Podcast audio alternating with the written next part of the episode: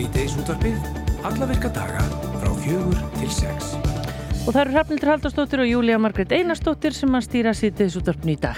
Já, og eins og við gerum á hverju ári þá höfum við verið að taka saman tilnefningar til manneski ársins 2023 og núna er hægt að kjósa á milli tíu einstaklinga innan rúpunduris og meðal þeirra sem var tilnefnd oft er Laufey, tónlistaspekulandin Arnar Eggert Tórótsen. Hann vakti aðeiglega á Facebook og dögunum að hún er sko komin fram úr hljómsveitinu U2 á streymisveitum sem er bara eitthvað ofsúrjalist eitthvað til að ná utanum það en hann ætlar svona að reyna að gera það með okkur og fara yfir þennan ótrúlega, þetta er ótrúlega ár hjá þessar ungu tónlistakonu. Einmitt það.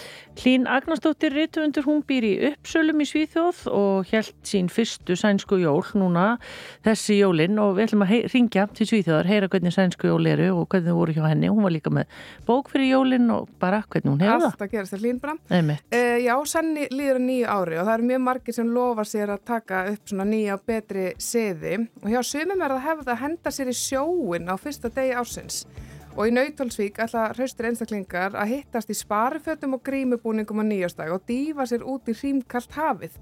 Herdi Sanna Þorvaldsdóttir, sjósund Kempa, hún ætlar að kíka til okkur og segja okkur frá þessu uppátæki. Mér verður bara kallt við þennan lestu sko. Já, ég held að við látum okkur kannski vanda. Já, Nýsiðir. Sjáum til. Lörglann á vestfjörðun sendi frá sér tilkynningu fyrir jólinni. Þar kom fram að rannsókn vegna slísasleppingar eldislags hjá Arctic Fish væri hætt og Elvarur Fridriksson, hann er frækastustjóri í Vendasjóðs Viltra lagsastofna, hann ætlar að koma til okkur eftir og fara yfir þessa niðurstöðu með okkur og svo ætlar hann líka að tala um nýtt frumvarp um fiskeldi sem er komið í samráðskátt og já, og svo ætlum við líka að tala um hvernig merkingar á lagsi eru í búðum, veit fólk hvort að það er lag sem er eldaður í sjó, sjókví eða landeldi. Eða hvort hann er hreinlega viltur Já, við komumst á því eftir. Eh, og svo er það önnur hefð sem er heilu hjá mörgum landsmönnum og það er jólafrumsýningin í þjóðleikursinu sem er alltaf annan í jólum og fóru þetta fram í gær og þá var það Edda, já Snorra Edda sem er alltaf svið í leikstjórn Þorleifs Arnar Arnarssonar. Þetta er náttúrulega hugmyndaheimur goðafræðina sem við þekkjum sem byrtist á sviðinu á nýstarlegan frjóan og augrandi hátt eins og leikstjórnum einu með lægið. Þorleifur er vonandi búin að lenda svolítið eftir standandi lofatak og ætlar að kíkja til okkar. En við ætlum að byrja á líkamleiri næringu og andirými sem ég held að ég sko finna allan fyrir því sjálf að ég þarf mjög mikið á því að halda, maður er svolítið svona trektur eitthvað með rauður haldtíðanar og hjá okkur situr Sigga Áskirs sem stendur fyrir svona jóka og dansstund eða mini-retreat eins og þau kallið það. Ég veit ekki hvernig það er á íslensku Nei, ekki heldur, það sem heitir þetta mínir í trí. Já, ég er bara að tala svona allan tíman. Já, til þess að koma okkur, oh, ég, bara, ah, ég, ég er mjög til í það, já, andlega, andlega nótunar. Um, já, þetta fer fram núna á förstu daginu það ekki og þa það verður hægt að hrista með mér, draga giðjuspil, drekka kakó, viltu segja okkur frá því hvað svona fer þetta fram? Já, þetta er sem sagt, ég og Halla sem er nú andlega hliðin svolítið meira að þessu heldur en ég, ég er svona dans og hristingur mm -hmm. þessa elements. Við erum sem sagt, ég er danskennari og Halla er, Hákonundóttir er jókakennari og við erum búin að vera að miksa saman þessu tvennu e, í þrjú eða fjögur ár og þetta er í rauninni, það heitir mínir retrít af því við erum með retrít á Tenerife. Þannig að þetta Einmitt. er svona mínatör e, útgáfa af því í kramusinu. Þannig að þarna fæði maður kannski svona smá smakka því sem að ásist stað þarna upp í fjallið á Tenerife já, já svona smjörþefur. Mm -hmm. eh, svona full disclosure þá hefur Júlía Margrit komið já, ég, á þetta retrít og það... var fyrir mikilvæg andleri vakningu. Já, ég hef bara hef verið vakandi síðan sko. Eh, Já, akkurat Ok, ég skil sko hrista mjög mér já. og draga geðjuspill Já, já þér kannski veit ekki af Geðjuspilin eru uh, inn í þessum, það eru ekki tarot en þau eru svona inn í, þetta er svona andlegsspil sem að um, það er svona leiðamann, eða svona segja manni hvernig maður líður, svolítið. Það eru svolítið... Eru einhver vandspil í stoknum? Já, þau eru, já, þetta, ég, ég hef eðilagt matabóð, sko. Já, ok, þannig að maður þarf að vera svona meðvitaður um það þegar maður gengur. Já, já, já. já. Geti... Og kemur það bara að þér líður Þú ert reið núna eða eitthvað slíkt? Sko verstaspilið er sem var mjög vant í þessu matabóði sko því að það var vín með hönd sem að einn fjökk sem að þú átt að hætta Hætta að drekka. Hætta að drekka sko. Já. Það var svona, já, það var ekki, það var rosalega gaman í þessu matabóði þangu til að þetta spil kom, já, þangu til að segir spilin. Það lauk ansið fljótt sko. Já, en þetta verður, já, ég verðum svona fjúsið þessu saman og svo er ég með sko, hef ég með gaman svona kolumbískum sið sem er áramótasiður sem er að skrifa niður það sem maður vil skilja eftir árinu og svo brenna það, þannig að það verður lítil brenna Já, þannig að maður getur svona að losa sig við syndi sínar einhverju leitað hann líka Já Og þetta fer fram í kramhúsinu Þetta er í kramhúsinu, já mm -hmm. Og hérna, en ykkar samstarf, hvernig, mm -hmm. hvernig hefst það? Hvernig byrjið þið að hérna, prjóna ykkur saman fyrst að hafa svona ólíkar áherslur? Já, við vorum, vorum vinkurur bara og Halla er mjög færi okkar og, hérna, og við vorum bara svona ræða okkar svona nálgun að kennslu og ég, þú veist, ég kenni yfirleitt, eða svona, kenni fólki að, að dansa sem er ekki dansarar. Þannig að við erum svona vorum svolítið svipaðan algun í bara flæði og þú veist, ég fókus ekki mikið á kóreografi og heldur bara að nýta svona dansin í svolítið svipaðan sem maður nýtir eða eins og maður notar jóka mm -hmm. svona bara ná e, bara svona tengingu við líkamann og, og einhvern veginn ákveðina núvitund og, og svo framvegs Þetta hljómar alls bara ótrúlega vel svona fyrir uh, plönin á næsta ári. En þessi uh, retreat, eins og við kallum það, svona, hvað, er maður, hvað er fólk að sækja í svoleiðis?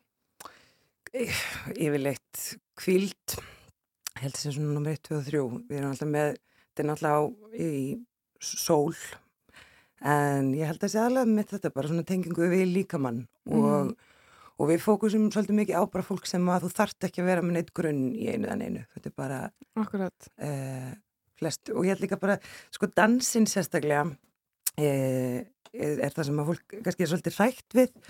Uh, en, en er það sem öllum finnst gaman að gera eða flestum? Og já, þetta er náttúrulega bara fyrir konur þannig að þetta er svolítið að tengjast sínum svona e, svona, svona sensual og, og, og svona mjadma, mjadma elementi. Hemmitt, giðjun í sér svona. Giðjun í sér, en sen er það sem er frábært við þessari trít er e, að þér er bara gefið gott að borða e, þú ert ekki að díla, ekki að díla við neitt Nei. það er bara ringt bjöllu og, og þú getur bara svolítið áttið sjálf í viku Og borða? Hvað fara að borða? Vilt þú segja frá matnum? Sko maturinn er allir vegan Já. og hann er hollur en rosalega ferskur mm -hmm. og hérna þegar maður fær ávöxti hafa þeir oftast bara verið tindirbrót í garði mm -hmm. þannig að mann er líður eins og maður sé svona mjög góða sambandi svona við náttúruna og maður sé kannski aðeins betri manneska en áður maður mætti en svo fellur kannski á það allan hjá mér en, hérna, þá, en þá er hægt að skella sér bara aftur en ef maður hugsa um Tenerife þessum sem stað allavega ég sé bara fyrir mér þú veist, hérna, Eurotechno, karaoke-bari, uh -huh. en þetta er einhverja öðru umhverfi. Já, eins og ég segi, þetta er á tenni en ekki á tenni. Já, það er svo les. Og ég finnst að vera alltaf á tenni, en þetta er í Maskadalum, sem er reyndar að ansi margi landsmenn þekkja. Þetta er svona 40 myndur frá amerísku ströndinni, það sem að flestir eru, og ef flestir eru þannig að það er besta veðrið þar. En þetta er sagt, eina af náttúruperlum Spánarveldis og er bara gríðarlega e, stórbrotinn dalur. E, og það sem er mjög næst þannig að það lokar allt klukkan 6 þannig að það er gríðarlega ró á kvöldin. En fyrir konullumis eins og mig sem getur ekki hægt að drekka kaffi þá getur maður að fengið sér kaffi utan retreatsins þannig að þú getur gengið í nærlegjandi þorp en síðan er rosalega ró á kvöldin og stjórnubjart og mjög Emmett Ég er komin í hugunum að það Ég er maður alveg í hugunum um, og já, hvernig farði þið næst? E, næsta er 19. februar, við verðum með tvö núna, þetta er í 7. og 8. skipti sem við verðum mm -hmm. Og það er 19. februar og 29. februar Og fyrir það er konur sem vilja tengja sinni innri giðju og allan að fá að prófa þetta aðeins, mm. þá er mm. hægt að koma á förstu daginn í Kramhúsið og, og draga giðjuspill Kramhúsið.is Kramhúsið.is, Sigga Áskers, takk innilega fyrir að kíkja til okkar og koma okkur í svona andlega stellingar. Takk fyrir og gleðilega hátti.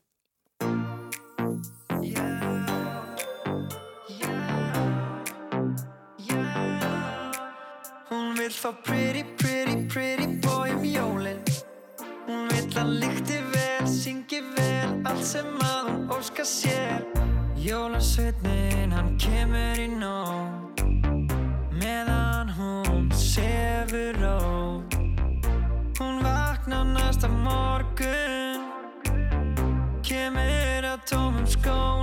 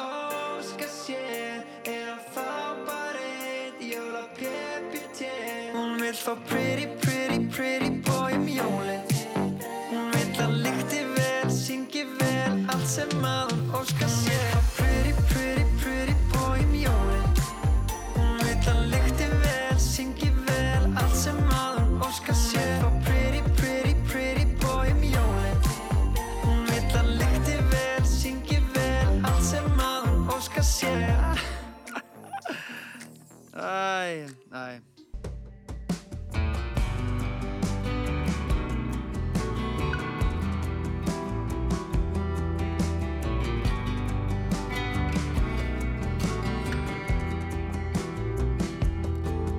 Þegar hvað vísin leggst í ósamþyktam albyggun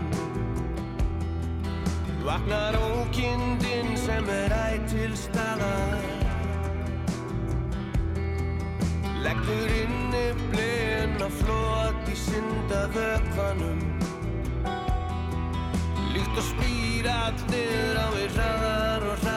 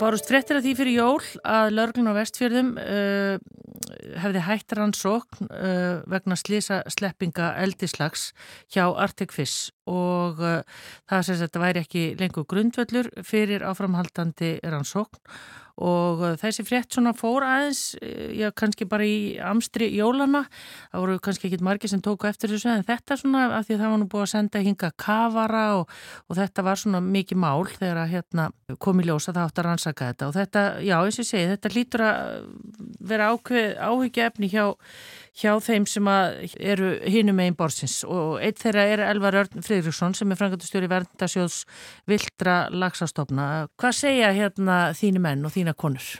Já, við erum alltaf bara fyrst og fennast ótrúlega að hissa á þessum tímpundi sko, eða hættar ansókn og það kemur fram sko frá lauruglustjórunum að, að, hérna, að gögn málsins ber ekki með sér að umbúnaði við kvinna hafi verið áfátt vegna aðtapna eða aðtapnas leysis sem að er uh, alveg galið því að það sem er búið að sína fram á er það að það var skilin eftir svo kallar svona fóðræðri í vilni sem gerði, nei í kvinni segir sem að gerði gött á kvinna sem að lagsa hann svo slupp út uh, það er búin að sína fram á það að fyrirtæki syndi ekki í reglubundu eftirliti á sér kví í meirinn þrjá mánuði og yfirmaðurinn sem var ábyrgu fyrir þessu kvíastæði var ekki búsettur á landinu. Þannig að ég, ég bara, uh, sko, mér finnst þetta svo skrítið hvernig er þetta að halda þessu fram að það sé ekki sínt fram á hérna eh, aðtamnaleysi eða vítaverður aðtamnir það sem maður kannski hefur svona stóra málið í þessu er það að þetta, ef, e, ef að þetta fær að standa þá er einu skilabúðin út í samfélagi þau að þú getur komist upp með stærsta mengunarslýs Íslandsögunar og það eru yngir eftirmál. Og það eru náttúrulega fleiri í þessu þannig að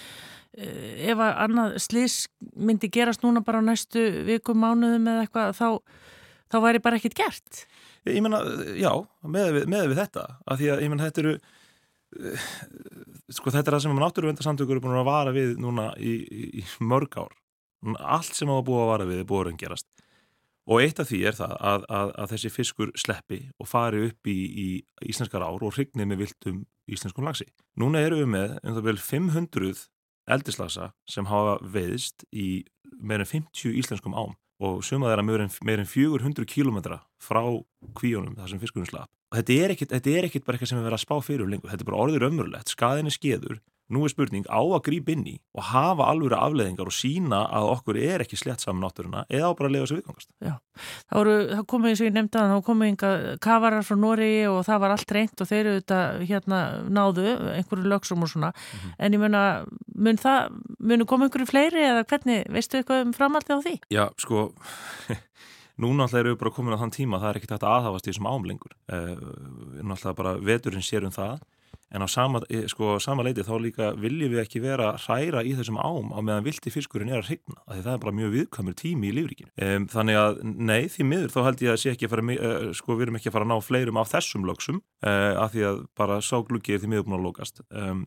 en þetta mun hins vegar gerast aftur og það er að sorglega við þetta sjókvíðaldisinnaðurinn mun haldaði fram að þetta hafi verið einstaktt dæmi og, og, og það sem átti ekki að geta gerst hafi gerst og svo framvegis en samt sem áður er heil yðnaður í Nóri það sem eru sérhæði kavarar sem að vinna engungu við þetta sem sínur okkar þetta er ekkit einstæmi, þetta er bara partur af sjókvíðaldi. Og þetta er það sem að hérna var búið að tala um mm. að myndir öngerast og þess vegna er þetta nú kannski ennþá sorgleira að það gerðist. Já, það gerðist og svo, ég menna, svo eftir þetta eru við með einhvern versta lúsafaraldur sem hefur sérst í þessum miðinaði. E, norski sérfæðingar eiga bara ekki til orð yfir ástandi hérna sko og því miður þá, þá er þetta, uh, þetta kemur ekkit óvart. Nei. Áður við tölum um nýtt frumvarp um fiskaldi, mér dætt nú í hug bara fyrir hátíðarnar, fólk er að borða mikið inn lags, ég menna þetta er eitt vinsalla sem er sett að borða, það er ekki alveg auðvelt að finna uh, hvort að lags kemur úr sjókvíaeldi eða, eða landeldi.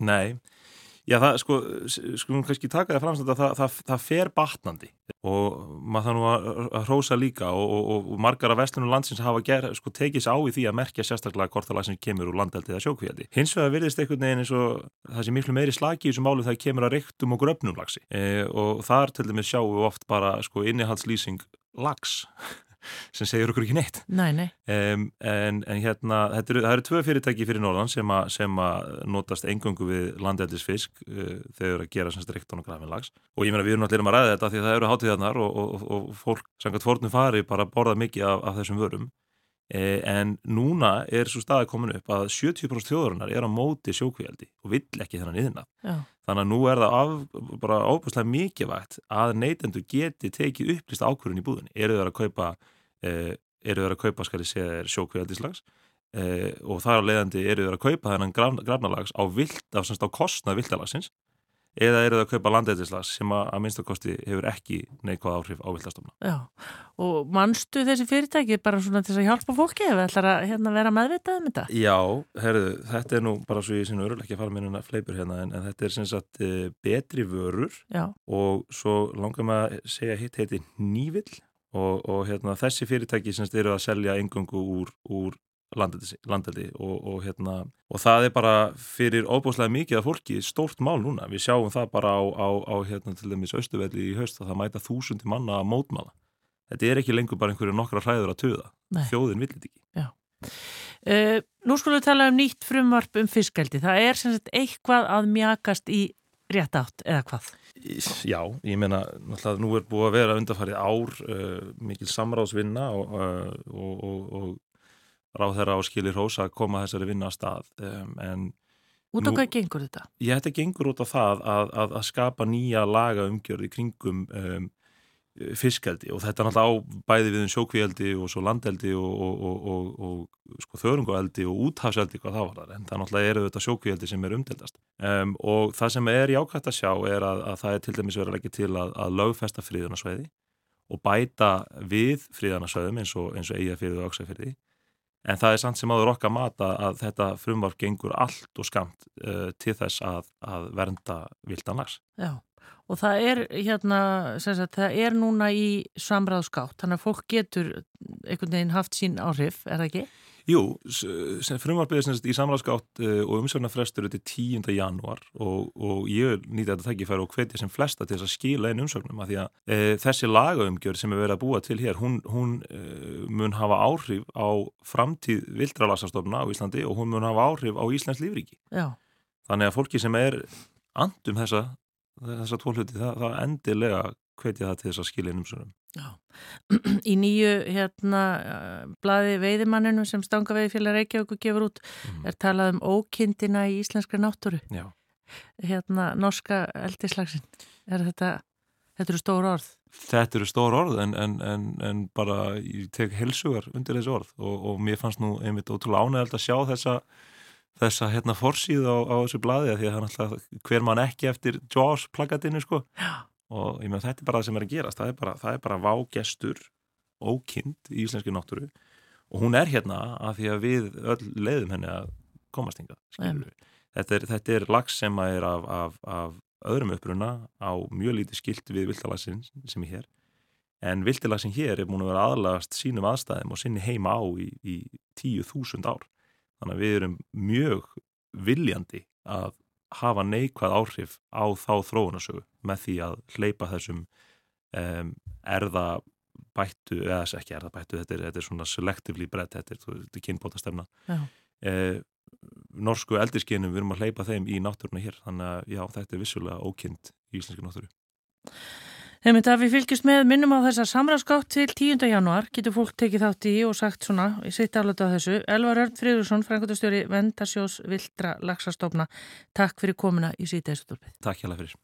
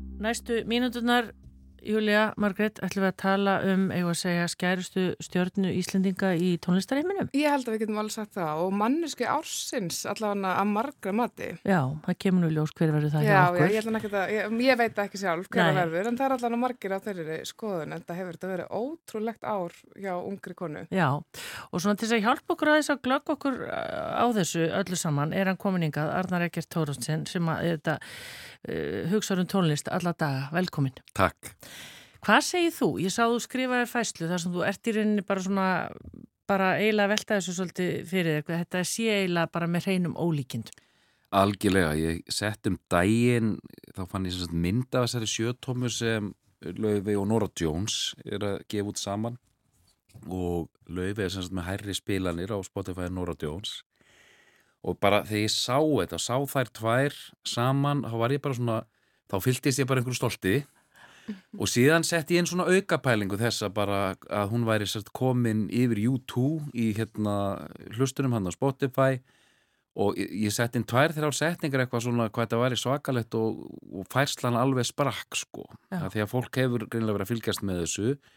Og við erum, mér finnst eins og við séum fyrst, þetta er að setjast í okkur núna að þetta er búið að vera í rauninni algjörlega ótrúlegt Já. hennar vegferð í þetta, þetta árið Bara ef, svona til að setja þetta í samingi mm. fyrir okkur sko að vera komin upp fyrir U2 á Já. Spotify. Hvað þýðir það?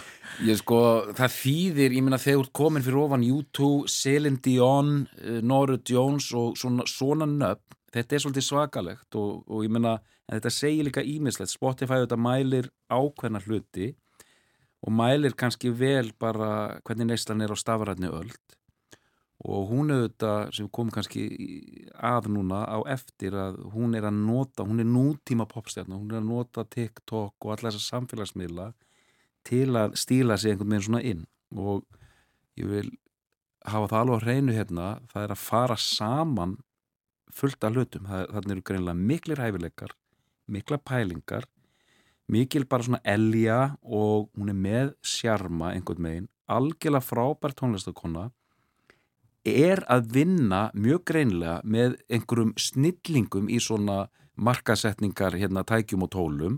Sisternar þarna með henni og það er allt einhvern veginn gert hár rétt þú ert með TikTokið, hérna unga fólkið þú ert með hérna tónleika með sinfónilhómsveitin í háskóla bíó það hefur verið að reikna þetta allt saman út einhvern veginn. Virkilega bara einhvern veginn svona velgert og flott. Þannig að þetta er alltaf stuðla af að því að þú veist, þú getur ekki setja út í hodni og verið rosalega hæfileikaríkur og, og bara, séðan gerst þetta sjálfu sér. Það er að sjálfsögðu aldrei þannig sko. En bara ótrúlega áhugavert að sjá þetta og fara inn á alltaf þessa staði hérna, þessa spjallþætti og nefnið þarna árinni hleypi ykkur af að hérna það er hérna svona viðtalagauður sem kallast Nardwar. Mjög svona skrítin gaur með svona YouTube-brás, hann er búin að gera svona viðtöl við bara alla frægustu tónlistamenn heims. Mjög sérstakt, hann er alltaf einhvern karakter.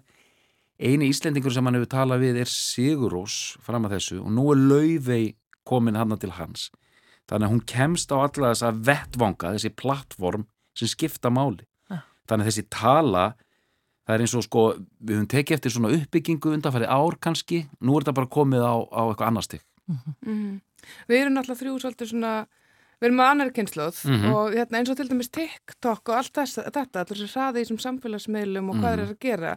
Þetta er heimur sem er manni svo rosalega hulin. Einmitt. En bara hérna, hefur rosalega mikið vald Já. í þessum öfnum. Fullkomlega sko. Mm -hmm. Þess að þú getur tekið bara einhverja tíu sekundar búta og búið eitthvað til úr því sko. Já, en það verður auðvitað að búa eitthvað undir. Það er nefnilega rauninni algjörlega grunnpunkturinn hérna að þú þarfst að vera með efnið fullkomlega en síðan það sem maður hefur svona grátið stundum hérna, til dæmis á Íslandi maður hefur séð rosalega mikla farsæl til ákunni tónlistafólki af því að umbúnaðurinn er í lægi og síðan hefur maður séð alveg ótrúlega hæfilega líka tónlistamenn hérna á Íslandi sem komast ekki löndni strönd að því að einhver svona basic atrið er ekki í lægi sko. þannig að hún er með allt, hún er með sko belti og axlabönd sko. mm -hmm. En svo er kannski hvað áhugaverðast og þetta er jazz mm -hmm ég menna hvað, það hefur nú kannski auðvitað jazzhaldan vinsæl hjá mjög mörgum en já, ekki, ekki kannski alltaf á toppnum. Nei, þetta er annað, takk fyrir að spyrja þessu. Þetta er nefnilega mjög áhugavert. Ég verið í svona domnenda slagsmálum hérna undanfanna vikur og þar sem punktin kemur þar sem meðal annars þegar við erum að tala um að ætti að tilnefna lauði fyrir þetta og hitt sko og þá kemur ofta þessi punktur að þetta sé svo ófrumlegt og þetta sé svo hérna, mainstream sko, þetta sé svo mikið markastæmi en ég persónulega mér finnst þetta vera mjög frumlegt af því að sem mainstreams tónlist þá er þetta þetta er einhvers konar millistriðs ára jazz settur í svona uh, nútíma búningu upp að einhverju marki en stundum hljómar þetta bara eins og eitthvað endalagi Disney mynd frá 1942 og einhverja hlutu vegna er fólk að taka þetta inn og þetta virkar. Eina dæmi sem ég mann eftir í svipin er þegar Amy Winehouse gaf út hérna, hérna Back to Black. Já, það er enda góð punktur. Já, það, það er komin ógeðslega flott popstjarnar en er að draga mjög greinilega úr svona 60's girl pop hérna pælingum. Lauði er að gera svipa, bara fyrir aðeins lengra tilbaka og þetta er alveg magnað sko og ja. það er bara kannilega bara, það er list á þessu ég minna Nora Jones náði líka gríðarlega vinsaldum með Koma Away With Me sem er jazz alveg í grunninn en þarna sko, maður heyrir nánast snarkið í 78 snúningablötunum hjá löfi sko. Já, og svo mm. kannski rattbeitingin og allt þetta. Já, og þessi djúpa rött sko og bara, þetta er alveg ótrúlega sko Já. og mér finnst mjög frumlegt einmitt bara hvernig hún gerir þetta. Já, hún er tilnæmt til Grammy og ef hún vinnur, Arnar Ekkert Hvað? Þá eru við bara... Hvernig er bara, þú veist, hvað gerist þá? Getur við, sko, séð fram á sko, að næsta ár verði jafnvel enn stærra, sko, ég menna því ekki. Kannski er þetta bara næsta sílindi jón. Við bara, það er bara ómögulegt sko. Já, það er bara ómögulegt að, að rekna það út akkurat núna en hún er, risið er í gangi einhvern veginn og maður bara hristir hausinni yfir þessu, sko. Mér finnst svo magna hvernig tekst að vera hjartbundin sko, mm. að vera svona ungkona, þetta gerist rosalega hratt og ég sá að mitt þarna eitthvað svona smá á TikTok sem að eru bara, það er sko risa, risa stóri höll og fólk er að sko öskur syngja með lögunum hennar bara hvernig tilfinning ætla þetta sé að fara frá því að vera óþægt einstaklingur í þetta Nei, og samt einhvern veginn svona töff og... Já, og svo þarf kannski að passa það. Já, já. og hún skilur líka, þetta er svo Lana Del Rey, bara einn stærsta popstæna heims í dag, hún keirir líka rosa flotta svona samfélagsmiðla návist þar sem aðdándur fá svona enga spjall við og við, fattiði. Alveg svo Taylor Swift gerir líka sko. Og uh, laug... kemst aðeins inn já, kemst aðeins inn, hún sýnir eitthvað sko sýnir kannski að þú ert gerðið pínu mistök, ert nývaknaður eitthvað áleika, allt svona mm. skiptir svo miklu máli, þú veist, Lana Del Rey með eitthvað myndband og, og, og gerir einhverja vittleysu við elskum þetta bara, já. hún er eina af okkur Já, já, hún er ekki gallalauðs þannig eins og ég Enni. og hún er náttúrulega bara ennþá hún sagði mitt hjá Gíslamartinum að gestur hans núna bara á síðasta fyrsta og það sagði hann sko meðan hún hefur gaman, hún elskar að koma fram hún bara, og það þýttur svo margi tónleikar sem hún er búin að hafa að spyrja hvort það var ekki orðin þreytt mm. hún sagði bara, ég bara hvers gifti sem ég stend á sveðinu bara og ég minna hún er 25 ára. Já. og þetta er bara, það er endalus orka e, bara endalust stuð framöndan sko. Já, ertu búin að kaupa það með það á Íslandi? Það sjálfsögðu, ég er með hann hérna í Rasvarsan Já, það er svona glittir að mig Ég reyndi, ég sko var allt á sein, var þetta ekki tvær mínútur eða eitthvað sem þetta seldist upp? Einu og fyndið Já Herðu, við bara, það verður gaman að hérna Selin Díón á næsta ári, ég er bara að manifestum þetta hér. Þetta, þetta er spátuminn. Já, Arnar Eger, takk fyrir komuna. Takk, takk. Og við skulum heyra Lauvi Lín syngja fyrir okkur hér í lokin lag sem heitir California and Me.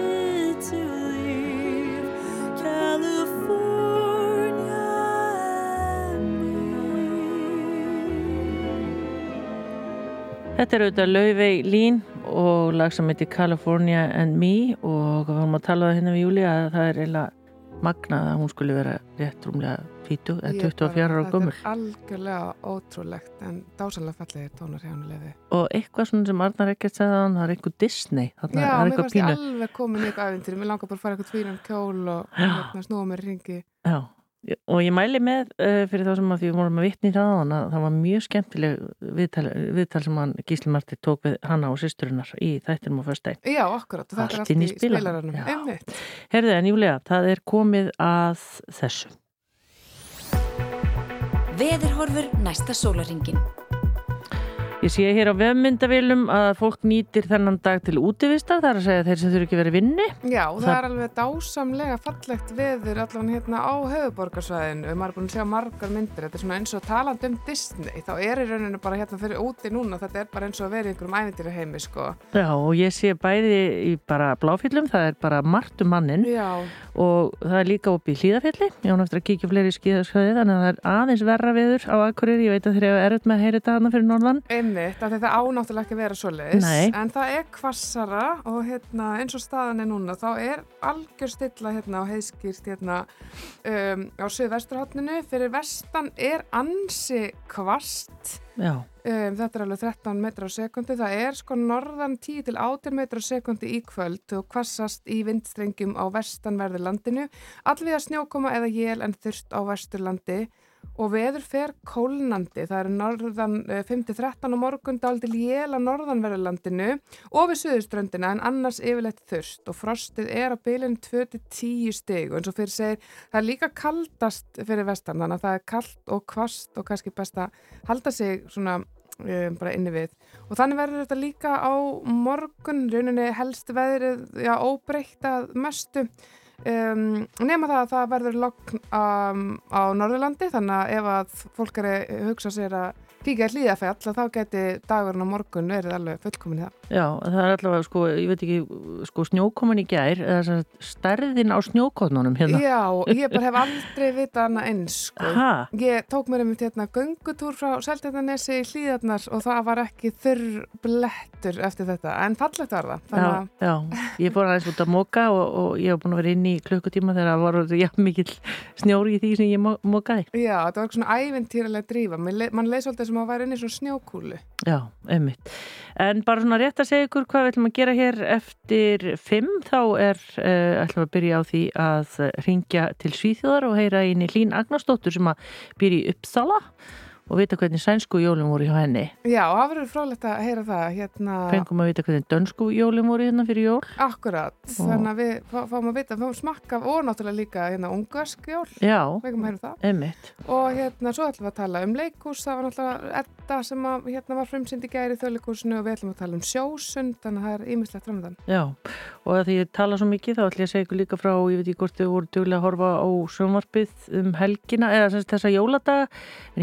að var myndin hans uh, Guðuna Tómassonar. Já, Sávit Barbara. Já, og ég mæli líka með henni. Og við auglísum nú okkar hérna það er bara veistla inn á spilarann sko. Já, ég veit nákvæmlega hvað ég ætla að gera þegar ég gengir 0.6, það er að fara að horfa Sávit Barbara heima. Já, hún eiginlega bara, hún gefur mjög mikið óvært, ekki það að ég hafði full að trúa á henni sko, en, en hérna hún er bara bæðið fræðandi og, og þetta er náttúrulega magnaði tíma sem, að, sem myndir í vinslu, það er COVID til að byrja með og svo bara innrás rúsa eila hérna um, já, miðbyggið Akkurat, þannig að þetta er svona Hóruður á eitthvað meira í sjónfnu eða náður að lesa ykkur á bækur?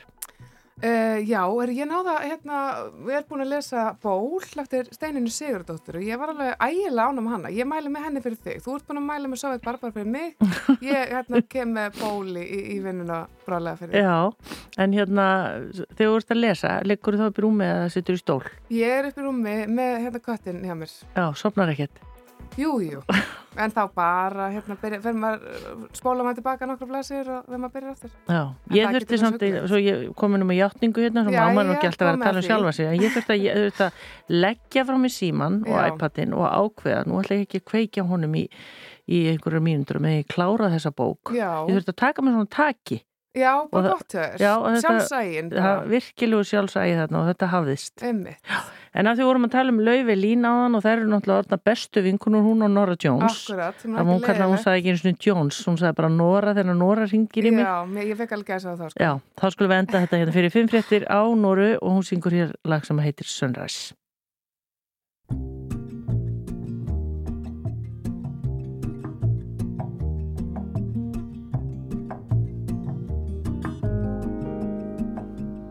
Sunrise, sunrise, looks like morning in your eyes, but the clock's held 9:15 for hours.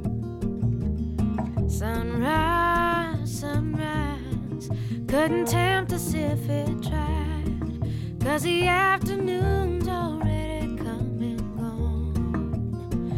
And I said, Ooh.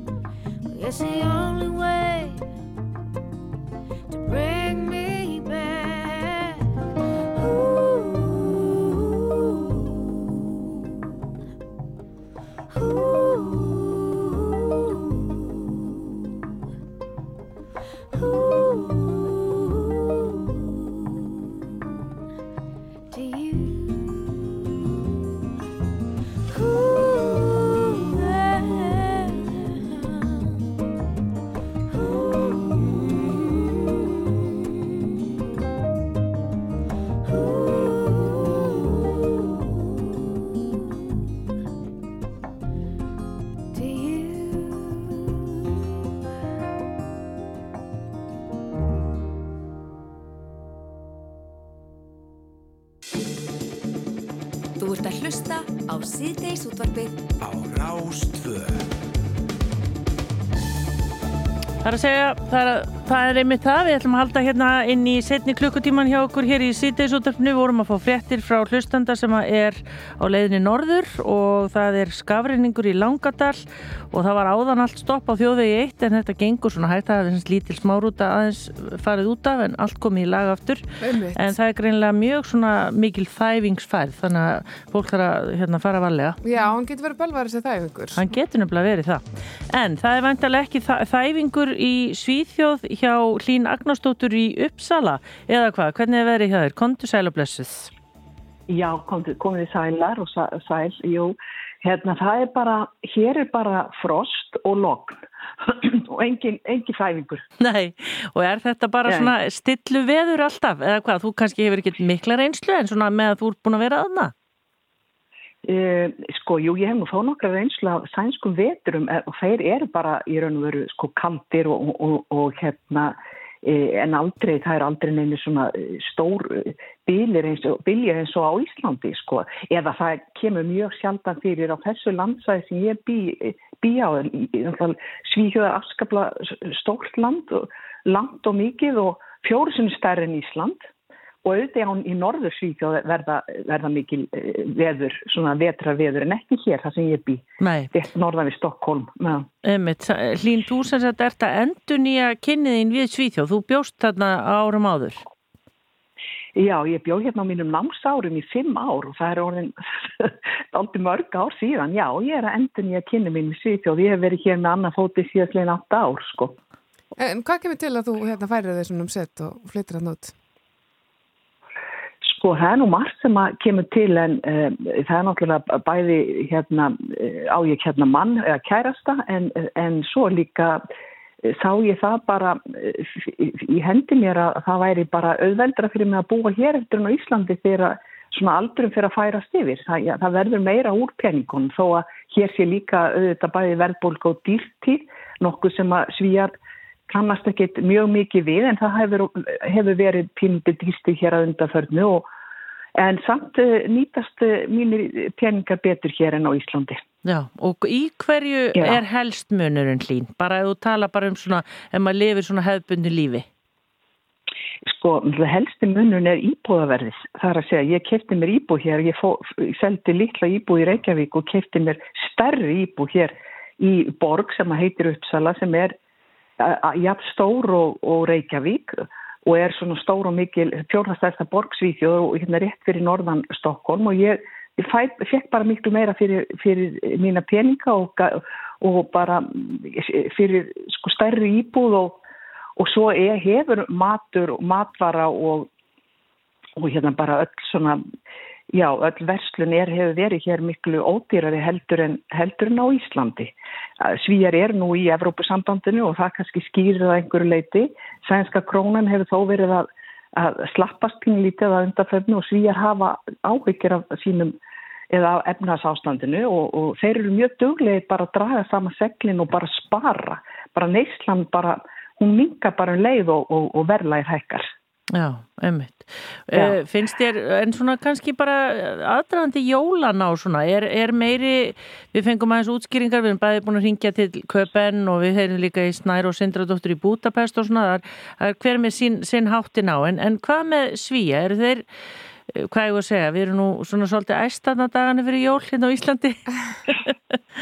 já, já. Já, já. Nei, svíjar eru það nú ekki, sko. Alls ekki, en þeir eru samt mjög mikið jólafólk. Það verður að segja falansöður og þeir byrja alveg að undirbúa jólinn, sko. Já, þeir svona, maður finnur fyrir því svona um mánaðamótin, eh, sko, eh, nógumbyr desember. Þá finnur maður virkilega vel fyrir og þeir eru í miklum svona ljósaskreitingum eins og, eins og Íslandingar og, og ég menna þeir það er, svona, það er ekki samskona neyslu klikkun eða ég verð ekki vörð við það eins og heima. Nei, nei við varum hérna ég var nú já, já, nei, já, já, já. já, nei, ég var að heyra í gæra og að vinkona mín á Ísland sem var að segja mér að það sé komið nýtt orð hérna ný greining á Íslandi yfir svona geðgreining og það er matarkvíði Já, og, og, og, og það fólk það líður sem þetta matar kvíða fyrir jólin því það veit ekki hvað á að bjóða sjálfur sér eða hvað á að, að borða yfir jólaháttíðarnar Já, þetta, verðist dálti... Þetta verðist haldast alltaf í hendur með þessa neyslu sem þú talar um og við erum einhvern veginn, við förum einhvern veginn alltaf alveg svona 19 skrifum kannski oflant í raðanum og þannig að maður er að, maður er að tróða í sig og maður veit maður að það er enga stjórn á sér og svo er það neistlan og svo er það útsöluðnar núna byrjar eitthvað þegar nóðan í allt annað. Þannig að það hljómar eins og svíjarnir séu svona, já, taka þess að kannski svona stóiskara hátt þessum hátum Já, þeir eru aðeins rólegir í neistlun, ég held ég get alveg fullist það, þó að auðvitað sé þetta líka, þetta er þjóðfélag sem er mótað alveg af sömu gildum og, og þess öll vestræn þjóðfélag sem er náttúrulega bara hérna, þetta er markas þjóðfélag og neyslu þjóðfélag auðvitað.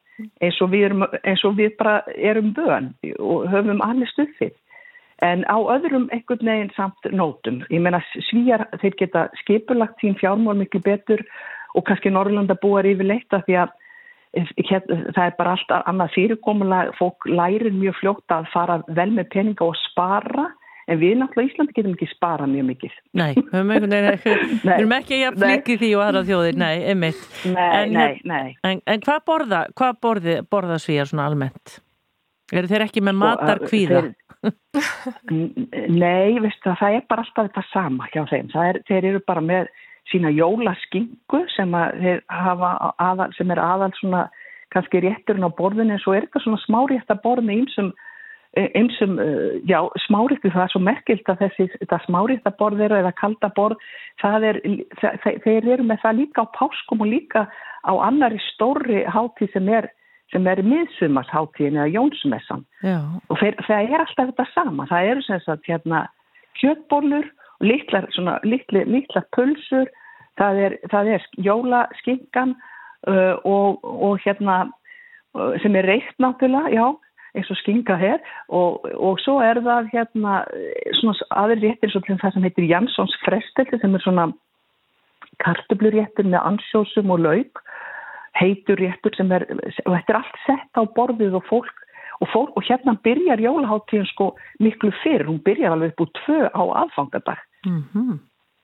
Já, og fólk ætla... er að narta svona allan daginn sko. Ég ætla að vera að segja að það er ekki gott að vera vegan í Svíþjóð þú, þú taldur upp að endalega svo kjötrétti það er auðvitað eitthvað fyrir þá líka Já, já ég hérna, hef nú ekki alveg sett mig inn í það en ég það Já, ég fann alveg strax að ég myndi verið vandræðum í þessu, þessu jólabóð Já, sko. nei, veistu, það er búið, það er búið að retta þessu öllu markastjóðfélag sér alveg um alla. Já.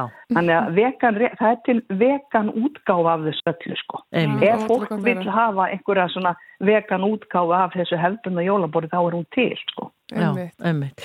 En hérna, Já. þú er nú mikið leikúsmanniski að lín, ertu duglega að fara í leikús í Svíþjóð?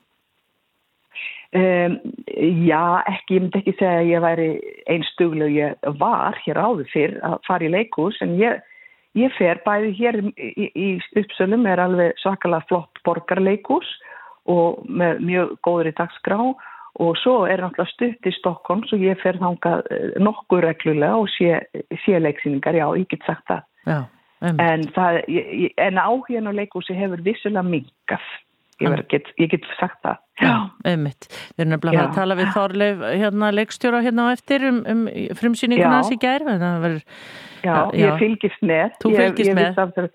Já, já, og hérna það er nú hvorki meðinni minna rítstjórin minna bókinni minni, Harparún Kristjánsdóttir sem ég vann með núna, við útgáðu þessara síðustu bóka minna, hún er nú einn af höfundunum að ettunni. Já, Já nákvæmlega, hún skrifa þetta en það er með þetta, bókin þín hún hefur búin að vera að mælast Já. mjög vel fyrir og að þið verðum búin að tala um svona já, svona smá svona klikkun í kringum jólinn hérna á Íslandi sem er neistlan og átið og þetta og svo er það jólabóka flóði, það getur nú gert marga stressa. Hvernig var svona að upplefa það svona úr fjarska? Þú komst aðeins heim, er það ekki? Já, jú, ég var heima líka í haust þegar bókin kom út og svo fór ég nú út og, og, og eiginlega ætla ekki að koma neitt aftur fyrir jól en svo fekk ég bara svo mikið fyr, marga fyrirspurnir um að koma og lesa upp og koma og fundi hjá svona einsum félagsamtökum og, og var bara, þetta bara, hrú, hrúist upp tilbúin þannig ég skellti mér heim eh, í tvær vikur í desember og að því þú spyrðum það Júli að þá þetta er náttúrulega alltaf alveg svakaleg hérna, törn að fara inn í þetta. Ummitt. Já, það getur alveg einmitt sér það. Já, ég fann alveg fyrir því þessar tvær vikur sem ég var heima núnum daginn að ég var bara þjótandi á milli stað að lesa upp og hitta fólk og tala um bókina mína og og selja bókina mína og allt mögulegt. Þannig að þetta, þetta var alveg heil, heil, voru heilmikil snúningar. Það myndum einhverju lýsa þessu sem svona luxusvandamáli að eftirspurnin sé slíka þú bara hafið ekki undan e, Já, kannski en ég, men, ég segi nú ekki að það hafi verið þannig hjá mér en ég fann alveg fyrir, fann alveg fyrir snúningunum sko. Já. ég menna maður þurfti mað, ég var heim í hálfa mánuð og var það var eiginlega eitthvað á hverjum degi sko. Já, en hérna bókin Einlífi uh, hún heitir Ástaransókn já, Ástaransókn, þetta er síðasta bókin svona, þetta voru svona nokkrar í röð. Er það ekki? Já, þetta, ég, ég, ég myndi segja að þetta væri ég hef sagt að já, þetta sé sí, tríði og síðasta bókin í svona sans, sansöguformi sem að það tengjast allar svo fyrst að kom nú árið 2003 og heitir að láta lífi rætast og svo kom fyrir tveimur árum meidómur og svo þetta þriðja bókin í svona sirpu, þetta er svona, já, þríleikur af samsögum sem ég, það, sem ég, það sem ég byggi mikið á mínu eigin lífi. Já. skrifa út frá eigin lífsreynslu. Já. Þú ertu búin að segja allt? Er eitthvað fleira í lífinniðinu sem mót eftir að skrifa um? Alveg ábyggilega. Eh, ég, meina, ég meina allir höfundar tók hvort sem að skrifa sannsögur eða eitthvað annað e, þeir eru náttúrulega alltaf að skrifa um upplifanir sínar af lífinu hvernig sem það byrtist þeim og e, svo er þetta bara spurning í hvað, í hvað form setur maður þetta ég menna ef þú finnur eitthvað söguefn sem þú vilt skrifum þá er það vegna þess að, það, að þú tengist í á eitthvað tátt, hvort en það er þá sannsæði eða fantasía púra skáldskapur Já, og ég menna ég hef líka skrifað alveg púra skáldskap, ég hef skrifað nú, þetta er orðna sex bækur hjá mér og það er þar að veru þrjár skáldsögur sem er alveg púra skáldskapur sko. Já, emitt.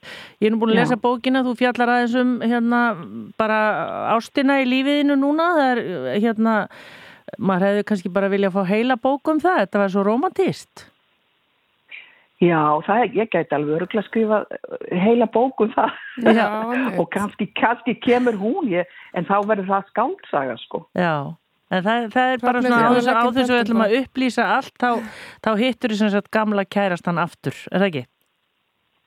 Jú, ég, ég kynntist manni því að hérna í uppsölum þegar ég var í, ung námskona og var það búin að vera gift í, í, í, fimm ár og, og var nýskilin og hitti þá ungan mann og við áttum okkar sambandi, áttum í sambandi í tvö ár og svo uh, flutti ég til Íslands að því að ég ætlaði að, að ég held að það væri svo miklu meira spennandi fyrir maður að vera á Íslandi og nýta mína mentum þar heldur en hér í Svíþjóð.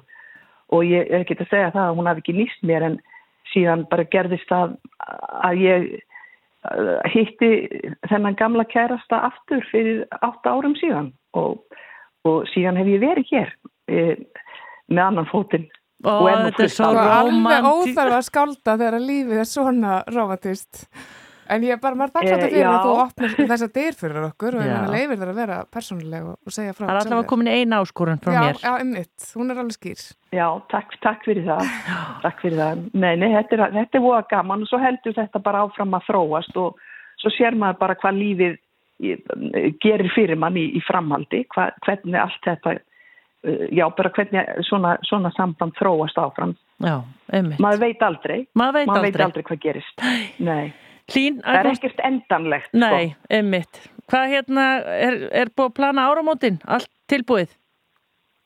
Nei, nei, ég, ég er hérna bara nú er ég bara hér í minni íbúð að, að lesa jólabækurnar, íslensku og sænsku reynda líka Já. og er bara klá, var að klára hérna bara frábara bækur eftir Bergþóru Snæpjö Stuft og, og auði öfu hérna DJ Bamba og, og bara og hefur bara að lesa íslenska bækur það er dásamlegt að gefa sér tíma til þess. Já, bara njóttu lífsins en áfram. Segja, en, sko, en, en ég ætla að segja kvöldverðurinn á, á, á gammalskvöld, hann er, matsillin er tilbúin. Hann er tilbúin.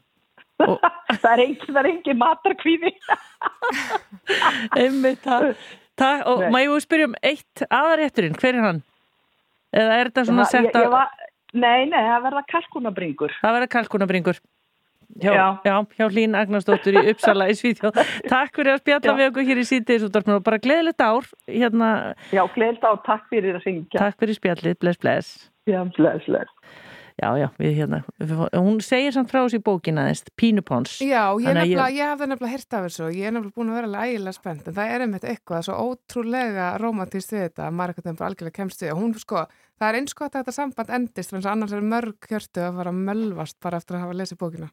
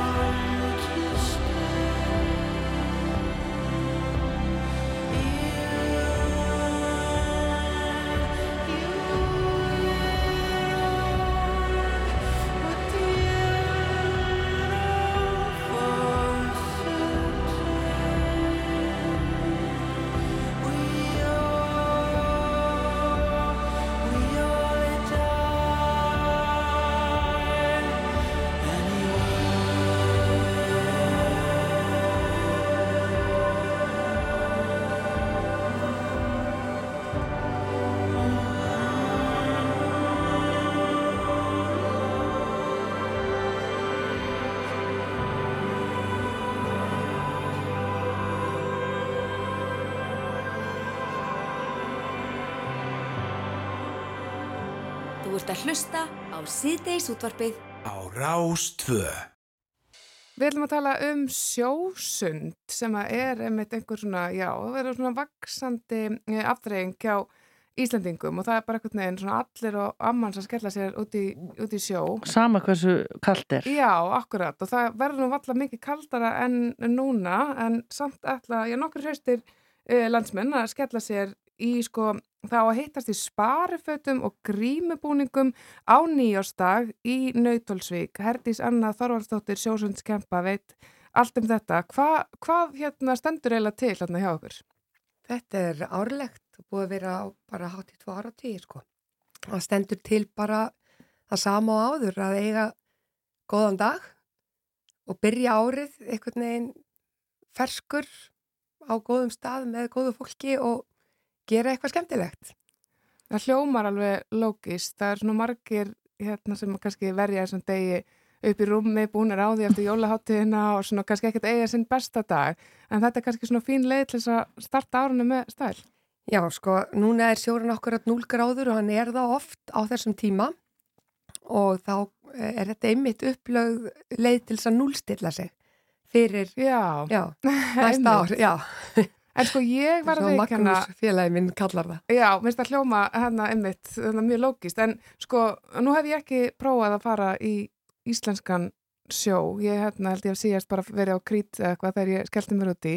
Sko, hvernig er þetta hægt í þessum kulda? Þetta er mind over matter. Það er að segja, þú þarft bara að setja, þú þarft svolítið að, já, taka úr sjálfstillingu og hafa svolítið vit fyrir uh, þeim eiginleikum í þér sem vilja að flýja kuldan og sásökan af því að þú veist eða ég er að segja þér núna að þér mun líða betur eftir bara nokkur andatök mm -hmm.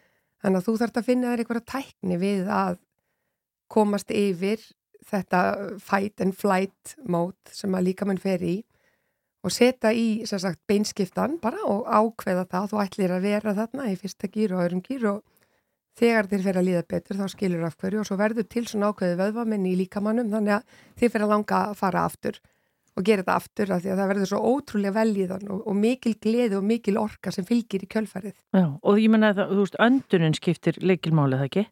Jú, það er nákvæmlega af því að, já, ef þú andar svona, ef þú panikar eða, já, verður rætt, þá ferða andar hraðar og þá ekst hérslátturinn og þá ræður þau bara ekki við neitt. Þá verður feröll raukugsun og, og þá leipur þau bara upp úr eða fríkar út og getur ekki gert neitt. En já, þetta snýst um öndun og það er til alls konar flóknar öndunaræfingar uh, til þess að hérna, finna út úr því hvernig maður gerir þetta. Sumir uh, nota það að tala eða að telja en ég nota það að syngja. Já. Ég lærður öndun að þjálfi, ég get kent ykkur alls konar flóknar öndunaræfingar en auðvildasta leiðin við að sagt, ná stjórn á öndunin er að syngja. Þannig að ef maður er búin að rifja lægið upp áður en maður fer úti, því að það er mjög flókið að muna eitthvað þegar maður er komin úti, sérstaklega þegar það er komin í núlgráður eins og núna, en hérna, já, ef maður rifjar upp eitthvað lag, eitthvað sem maður kann, ég er skott að syngja smæl með tjaplin eða eitthvað svoleiðis, og svo bara fer ég úti og það er öllum skýt sem að hvað maður syngur átti, að þú veist, fugglanir er ekkert að flýja eða það er ekkert... Vá, en ertu, er, ertu í sérstökum svona skóm og með hanska og eitthvað? Ég er alltaf í skóm Já. og ég er alltaf með hanska þegar komið undir 8 gráður. Já. En aðru leiti er ég bara í sama bygginni en ég fyrir sund sko. Já. Og sko það sem gerist þegar maður syngur þá andar maður hægar út en inn. Já, og það hægir aðeins hérslattinn og þá nær maður yfirleitt aðeins stjórn og sálun sér. Þannig að þið getur líka að hugsa það, bara anda aðeins hægar út en inn, anda og ný maga og þetta eiginlega neyðir ykkur til að anda rétt og þannig að þið róist niður. Þannig að þetta er ágætt eh, svona, ef maður þarf að æfa sig í að temja svolítið líkamann og viðbröðin, þá er þetta ein leið til þess að læra að temja sig svolítið og allt í henni að þá bara maður miklu auðveldara með erfiðan maka og erfið börn og erfið að vinnu að því maður er svo þjálfaður í að stilla sig af og bara takast á við aðstæður bara með einhverju svona jafnaðar geði. Mhm. -huh. Sko þú ert alveg einhvern veginn allan að selja mér þetta, myndi ég segja. Já. En þegar ég sé fyrir mér sjálf á mig, þá sé ég fyrir mér eina tá komast úti og bara alls ekki meira. Ég byrjar í skónum, þannig að þá ferðu alveg með heilan fót. Ok, og kemstu með heilan fót. en ég meina fyrir byrjandi eins og mig, eins og þú segir, þið gerir þetta árlega og hafi gert þetta kannski alls konar veðri og svona. Nei, við gerum þetta allt árið. Já, en þessi nýjárs, hérna, þú veist, gæti ég sem byrjandi komið til dæmis á nýjársdag Já, ég held að það sé auðveldar fyrir það að koma þá. Já. Og fellur betur inn í fjöldan. Ég bara, ég bara, þú veist, þá ertu bara einhvern veginn ísóldi múksefjun og mikill gleði og þá einhvern veginn smitastu af öllum þessum hóp sem fer út í einu. Þannig mér finnst yfirleitt auðveldast að fara í sjóun ákvörðat á nýjast þegar við erum svona mörg og við erum upp og klætt og veistu það er líka mjög fínt að vera í nælósokkaböksum. Því ég hef verið í, síð, já, ég hef verið í palli eftir síðkjól og nælónsokkaböksum og takk bara, mér var ekki næstu þess kallt í því. Þannig að maður þarf ekki svona skiptum fött eftir hérna árum. Nei, maður getur farið beint út í með make-upið og gerðvögna árin og allt. og glimmerið bara. Fólk hérna. er oft í kjólfötum og alls konar, það mæta þarna hópar í eins, bara eins búningum og fólk sem er búið að prjóna á sig eins húfur og panta á netinu. Þetta er óskaplega skemmtilegt og rosalega margar útgáfur að því hvernig fólk nálgast þetta sko. Og klukkan hvað er þetta á nýjástak? Sko við byrjum 12. Já og það er opið í vikinni frá 11-3 og í fyrra þá held ég að veri svona hátt í 100 sem að fóru út í einu klukkan 12 þá voru einhverju búinir að fara. Og þá er náttúrulega kraða þú veist þá er potturinn eins og sardindós þá er svolítið erfitt að finna stað til að heita svo upp á eftir og einhverju fari í gufuna og eitthvað svona. Og svo bara drefiðist þetta svolítið yfir daginn þannig að það var alveg þú veist, öruglega tvöfald rennir í þú veist, yfir daginn það sem bara einhverju fóru og aðrir komur, skilir uh -huh.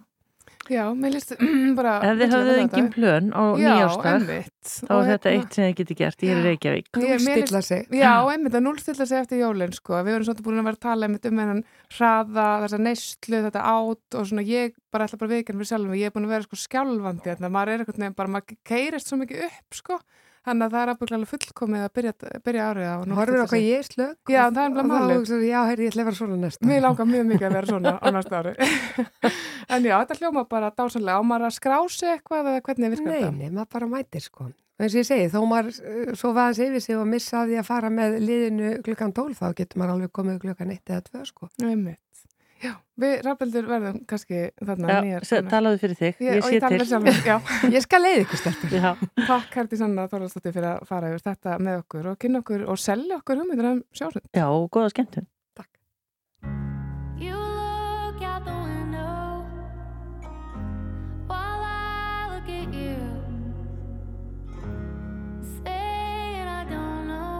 Would be like saying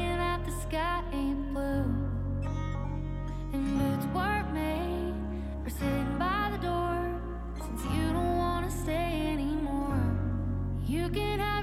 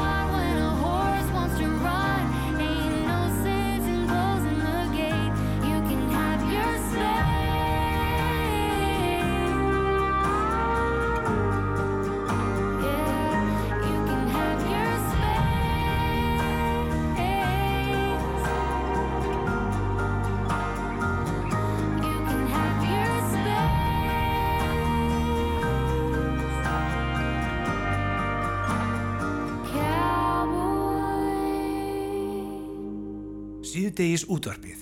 Ekki slæmur félagskapur það. Frá fjögur til sex. Rástvö. But it all came back in one moment And the year started cold But I didn't notice it all And we found there's a room we're both in We get Chinese food in small white boxes Live the life we saw in Friends Your room,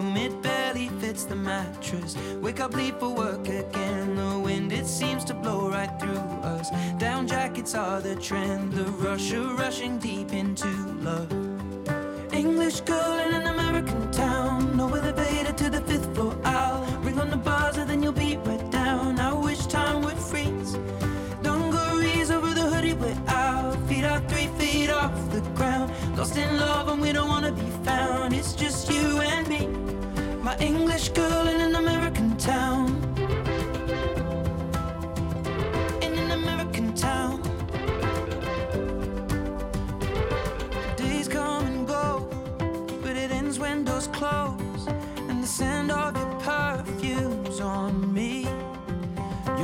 You're with your phone. Electric when one on one I thought I would be more nervous, darling. We watch comedies and miss the endings. Conversations till the dawn. Any change in tide we push against it. Challenge meanings in the songs And head out without a reservation. Drinking out of paper bags And wasting time is time not wasted. With my English girl town. No elevator to the fifth floor. I'll ring on the buzzer then you'll be right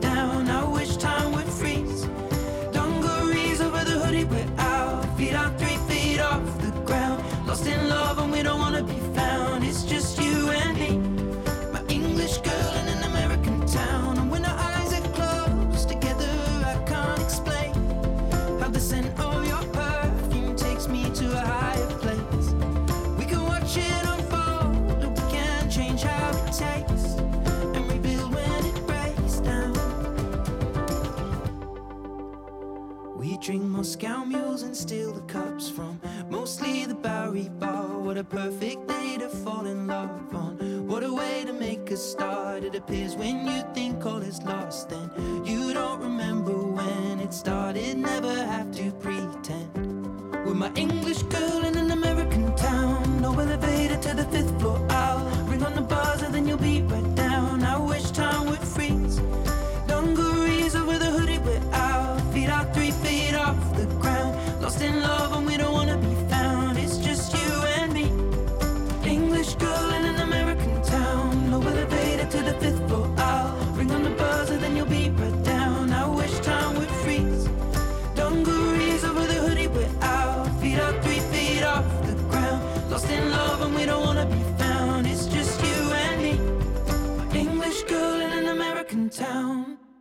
Þetta er Ed Sheeran að syngja fyrir okkur hér í síðdeis útvarpinu og það er komið gestur. Já, hinga er komin gestur og hann hefur okkur sestur. Um, sko, ég var, ég ætla bara að viðkenna það. Ég hennar fór í leikus í gær og sá Eddu, þetta var um, jóla frumsynninginni í þjóðleikúsinu og það er alltaf jafn ótrúlega hátilegt að koma þarna á þessum degi og ég ákvað bara að veiða uh, leikstjórun þarna úr, ég sá hann þarna í hópnum og hérna og fór upp að hann og spurði hvort hann var ekki til að koma til okkar í dag og svona þegar ég var áttaði á þessi dag ég hefði beðan um að koma sko í viðtal dægin eftir frumsýningu og sagði að þetta væri kannski svolítið gróft en Þorleifur Arnarsson, þú ert öllu vanur, er það ekki? Jú, jú, það tekur alltaf nokkra dag að lenda sko, þannig að það er fínt að hafa eitthvað að hugsa um. Ég ætlaði með þetta að spyrja hvort þú væri lendur. Já, sko, þetta var samt sko, þú veist, við unnum alveg fram að síðustu stundu, en það var bara einhver svona slagi og, og, og sköpunagliði og þá er maður ekkert, maður, ég, ég er eitthvað svona undarlega lítið örmagnar sko, ég hef alveg, ég hef alveg, ég hef alveg skriðið og lappir í verra ástandi eftir henni morgun sko. Já, ah, okay. þú ert náttúrulega sko úr leikara fjölskyldu þekkir eitthvað annað en bara jólin eru bara þetta. Já, eða sko, þetta er samt svona svolítið þess að þú veist, maður, maður, maður viljandi gleymir því að hvað þetta er von tugmynd sko. þetta er í annarskitt sem við með jólafrömsynninguna og hérna og um, þetta er, sko veist, jó, jólin lenda svona svolítið á, á, á pásu sko og séðan kemur Þorvarsmessan og þá maður allt eftir þannig að maður svona spara sér sko stressið fram að því og sem tekum maður svona út á einum degi bara. En, en, en nei það er samt eitthvað svo gaman sko sem fengum við sko það snjóar mikið í síningunni en uh, fengum þessi þess að fallegu snjókom og undan og það var allt svo, þá verður borgin svo Já. fögur og, og ég var nú bara mjög sáttur við þetta ekki er sko. Já, það er allavega æðislegt og alveg tilipni til. Þannig ertu náttúrulega að vinna með goðafræðina, þetta er hérna snorra etta sem að er að lifna hérna við. Þetta, þú þekkir nú þennan efni við ákveðlega. Já, ég sko, ég hef, ég hef bara frá því ég var ungur haft uh, ofbáslegan áhuga á mítológíu og, og bæði hvort það voru gríkir eða romverjar eða egiptar og, og ekki síst náttúrulega uh, íslensku góðafræðinni og þarna erum við, semst, við byggjum svona, við byggjum á eddukvæðum og á snorra eddu en í rauninni skrifu við svona meira hlutan af textanum og, og, Harparún og Jómagnúr sem að, að hérna, eiga svona, svona helsta heiðurinn, svona skálda heiðurinn af því að, le, að leita tóni sem sko dansar á þessum mörgum uh, uh, að ha, halda í þessum skáldlegu stærð en á sama tíma geta einhvern veginn talað inn í nútíman og, og, og gert þetta kannski líka skiljulegra að hérna það væri nú, það væri tölvöld erfæðar held ég að maður ætlaði að sviðsitja völu, hérna, völusbáður sem kemur mjög mikið fyrir en ettu hvæðin eru náttúrulega ekki einföld hvæði sko þannig að hérna að við þurftum að finna leið til að, að gera þetta aðgengilegt og, mm. og, og, um, og það er búið að vera alveg ofbóstlega við eins og segi, við vorum að, að æfa fram á síðustu stundu og hérna um, og klippa út og bæta við og byggja brýr og, og hérna ég satt nú svona við náðum í setni hlutar þá setni hlutar með gerðkvöldi þá gæti ég farið að horfa. Þegar ég hætti að leikstýra sko. Já, já Þú breytir samt einhver þarna. Jújú, jú, ég fór alveg með fullt að hlutum inn í pásu sko. Er það? Já, já, já, já. Ég sko reyndar sko, ég, ég líti ekki á frumsýningu sem enda á ferli heldur henni byrjun á nýju ferli. Og, og ég sýningum að, að, að, veist, ég er búin að fá símtur frá leikurum í dag og í frumsýningapartíunum voru að ræða núansa í ákveðnum momentum og, og, og, og svona gera veist að, að núna, núna byrjar ferlið þess að leikarnir er unni taket í fangið og gera þetta sínu. Og mér, mér, mér líður oft eins og sko eina dauðasindin þar er að síningin sé eins á lokasíningu sem var á fyrstu síningu sko. Og oft er þetta bara dítelar en það en ég held að góðar síningar byggja á sko að þú þarft að skrúfa réttu skrúfun þetta er svona svo íkja innréttingin sko. Ef þú, ef þú herðir ekki réttar skrúfur þá lítur hún alveg vel út en síðan fer hún bara dætt í sundur sko. Já, þannig að það er þessi vinna sem er ofsalega skemmtileg og vera vinna með hóp sem er svona óbáslega tilbúin og svo, svo, svo mikið gleði og léttleiki og þá verður bara svo gaman að halda áfram Já, sko leikgleðin lendir sér alveg alls ekki og smittaðist algjörlega út í salin, það myndi ég alveg að segja fyrir mitt leiti og þetta var rosalega skrautlegt mikið líka í þínum anda fannst mér, eða svona, svona höfundarenginni þetta er alveg orðin okkur augljóst.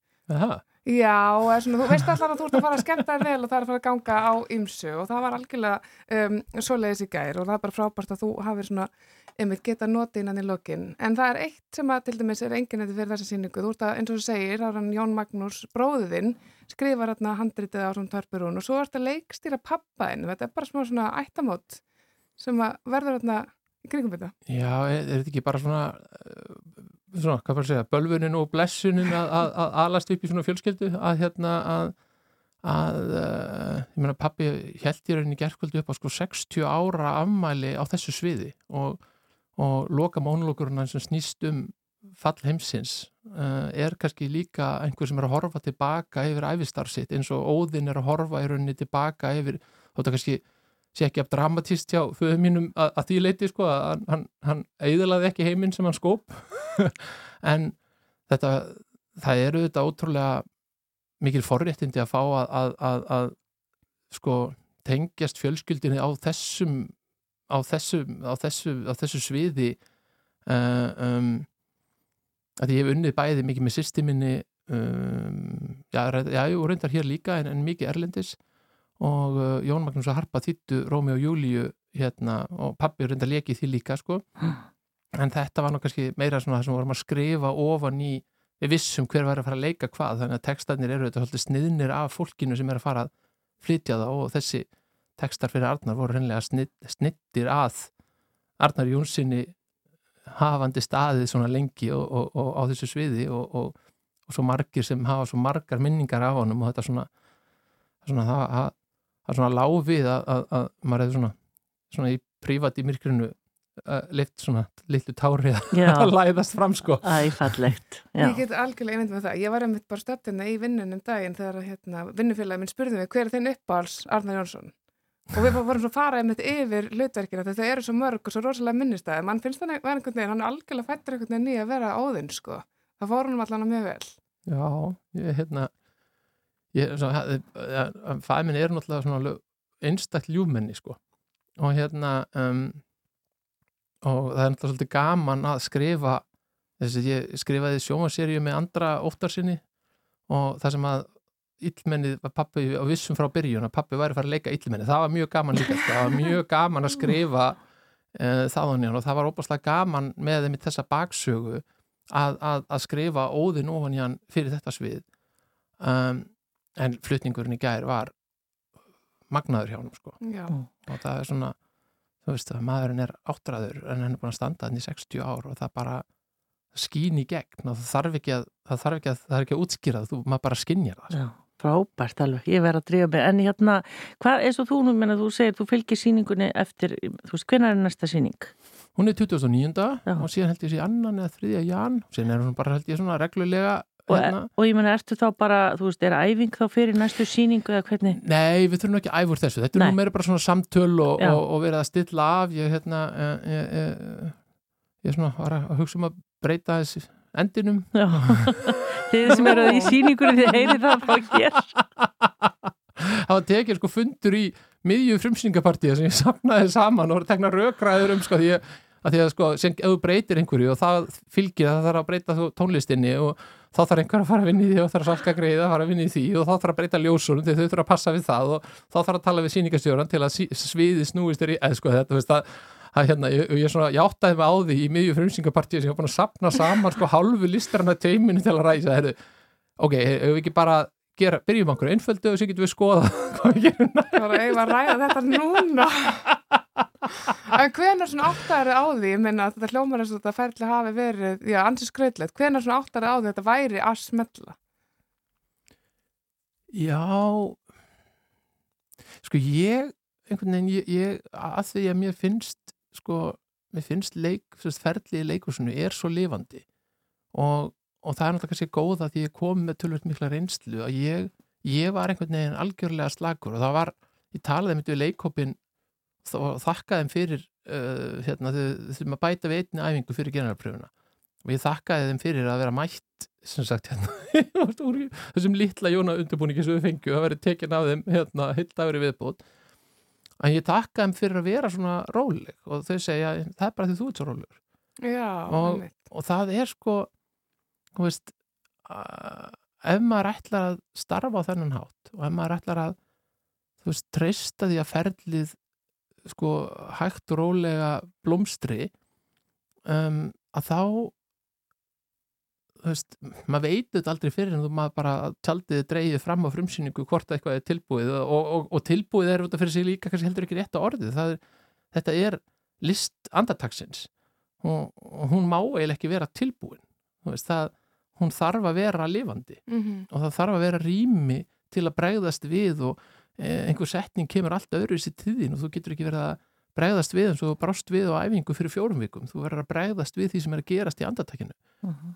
Þannig að sko að, að þessi hugmyndum eitthvað svo, veist, þessu málverk eða bífundi ég, ég, ég kvíslaði nú að ég, að, ég ger sko hérna uh, að þú veist, akkur, akkur maður gerir sér þetta sko, þú veist að stundu langar maður bara að vera í bíó þá getur bara setið einhverstaðar og verður að klippa og sem getur bara fært hlutina til mm -hmm. og þú, þannig að það fengjur um þetta tilbúið en, en það er náttúrulega gullið í leikursunu mm. Og það er bara það sem maður þarf að minna sig á að, að alveg eins og lífið er ferlið sem maður hefur ekki nema takkmarkað að stjórna á þá er sko það er intensjóni sem er lögð inn og trúin á sköpunaferlið uh, það verður grundvöllurinn um, og ég og maður skinnjar sko þegar að þegar að, þú veist, við fengum áhundur fiskiti og generapröfu og, og við vorum búin að leika svo marga senur svo ofta og okkur fannst það ekkert lengur eitthvað fyndnar og síðan bara springur salurinn aftur og aftur og, og, og þá gáttu öll mynd okkar að herðu við á byttunum við, þetta er líka alveg óbáslega skemmtilegt og þetta er óbáslega margslungið og fyndið og hérna og það er náttúrulega leiksýning er ekki að listaverki, verður ekki listaverki fyrir en að fólkið mætir og ritualið í rauninni byrjar uh -huh. og hérna þannig að maður þarf svolítið að svona maður þarf að, maður þarf að leggja þessum svona fullkomnunu áráttu tendensir, þeir þurfa bara þeir þurfa bara að fara í pásu, þeir með að fara til tenri jóla, eða jólafrí. Þeir geta að fara í jólafrí. Já. Við talaðum, já, jólafrí, hérna núna kannski færðu svona kannski aðeins að já, bara að sleppa tökum með þessu allavega kannski einhvern smá tíma. Hvernig verða áramótin hjá þér? Það verður nú bara freka róleg sko. Við hérna, söpnumst alltaf saman hjá mamma og pappa og, og hérna og, og skálum þar fyrir hérna bæði því sem er að koma og, og hérna minnust þeirra sem við þurftum að kveðja og er mjög svona, þetta er mjög svona heilu stund í fjölskyldinni þannig að það verður farið á brennu og hérna og það er svolítið svona ritual sem við eigum á, á, á gamla skuld og hérna síðan er ég að, því að fara svo til Vínarborgar í setnilegt á janúar að sviðsita Pétur Gaut í borgleikusinu en svona hann að ég er svona að byrja að það þarf að fara svona að kíkja aðeins á undirbúningi fyrir það. Mm. en annars bara líður svolítið að reyna að anda og fara í sund og vera pappi og svona. anda að fara í sund, vera pappi Já, vera ég er ekki verða pappi, sko, já. bara vera pappi vera, hann, hann, vera, ekki, hann hefur ekki séð mikið af mér þetta var það vikur. Aðeins að það hlutverk eh, líka almennilega þetta er bara allt ásannlegt Þorlefur Arnarsson, takk fyrir að kíkja til okkar daginn eftir frumsýningu og bara gangið vel að lenda með þetta. Takk fyrir, gaman að koma